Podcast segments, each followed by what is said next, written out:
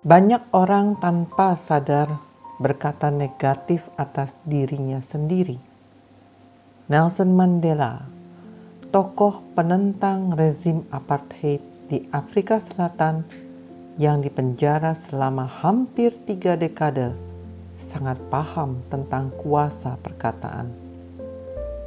Kita sering mengutip perkataannya saat ini, tetapi selama di penjara, ia tidak banyak bicara karena takut akan akibat buruk yang dapat ditimbulkannya. Satu dekade setelah pembebasannya, ia berkata, "Bukan kebiasaan saya untuk berkata-kata dengan sembarangan." Pengalaman selama 27 tahun mendekam di penjara telah mengajar saya untuk menggunakan kesunyian dari kesendirian itu guna memahami betapa berharganya perkataan dan betapa kuat dampak perkataan terhadap hidup mati seseorang. Ada seorang istri berkata kepada suaminya, Aku gak akan pernah mau punya anak sebelum sifatmu berubah. Dan benar saja, setelah sekian tahun, pasangan ini belum juga dikaruniakan anak karena sifat suaminya susah berubah. Ada lagi orang yang berkata, "Sudah garisan tangan aku nggak akan pernah bisa sampai puncak karir. Ini sudah penyakit keturunan, jadi saya terima aja.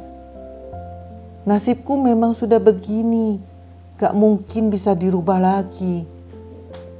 Aku lahir dari keluarga miskin, jadi Gak mungkin bisa berhasil.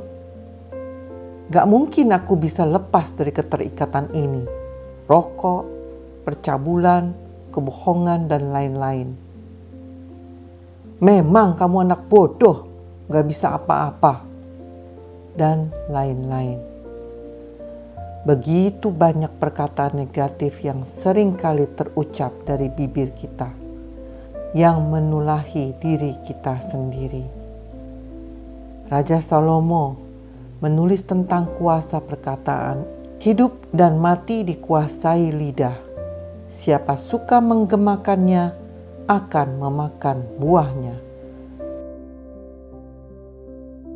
Perkataan berpotensi untuk menghasilkan konsekuensi yang positif atau negatif. Perkataan berkuasa memberikan hidup melalui kata-kata yang jujur, dan membangkitkan semangat. Namun, perkataan dapat juga merusak dan membunuh lewat kebohongan dan gosip. Bagaimana kita dapat memastikan bahwa perkataan yang kita ucapkan akan memberikan hasil yang baik? Satu-satunya cara adalah dengan tekun menjaga hati kita Jagalah hatimu dengan segala kewaspadaan, karena dari situlah terpancar kehidupan. Roh Kudus dapat mengubah hati kita agar kita dapat mengucapkan perkataan yang sungguh-sungguh baik, jujur, tenang, tepat, dan sesuai untuk situasi yang ada. Saudara, Firman Tuhan berkata, "Hati-hati dengan apa yang kita perkatakan." Jika kita sadar akan hal ini, cepatlah minta ampun dan tarik kembali semua perkataan dan pernyataan negatif yang pernah terucap. 1 Yohanes 1 ayat 9 berkata, Jika kita mengaku dosa kita, maka ia adalah setia dan adil, sehingga ia akan mengampuni segala dosa kita dan menyucikan kita dari segala kejahatan. Allah ingin kita hidup baik dan benar. Oleh sebab itu, Ia merelakan putranya yang tunggal untuk menebus kita dan memberikan Roh Kudus untuk memampukan kita hidup dalam kebenarannya. Amin.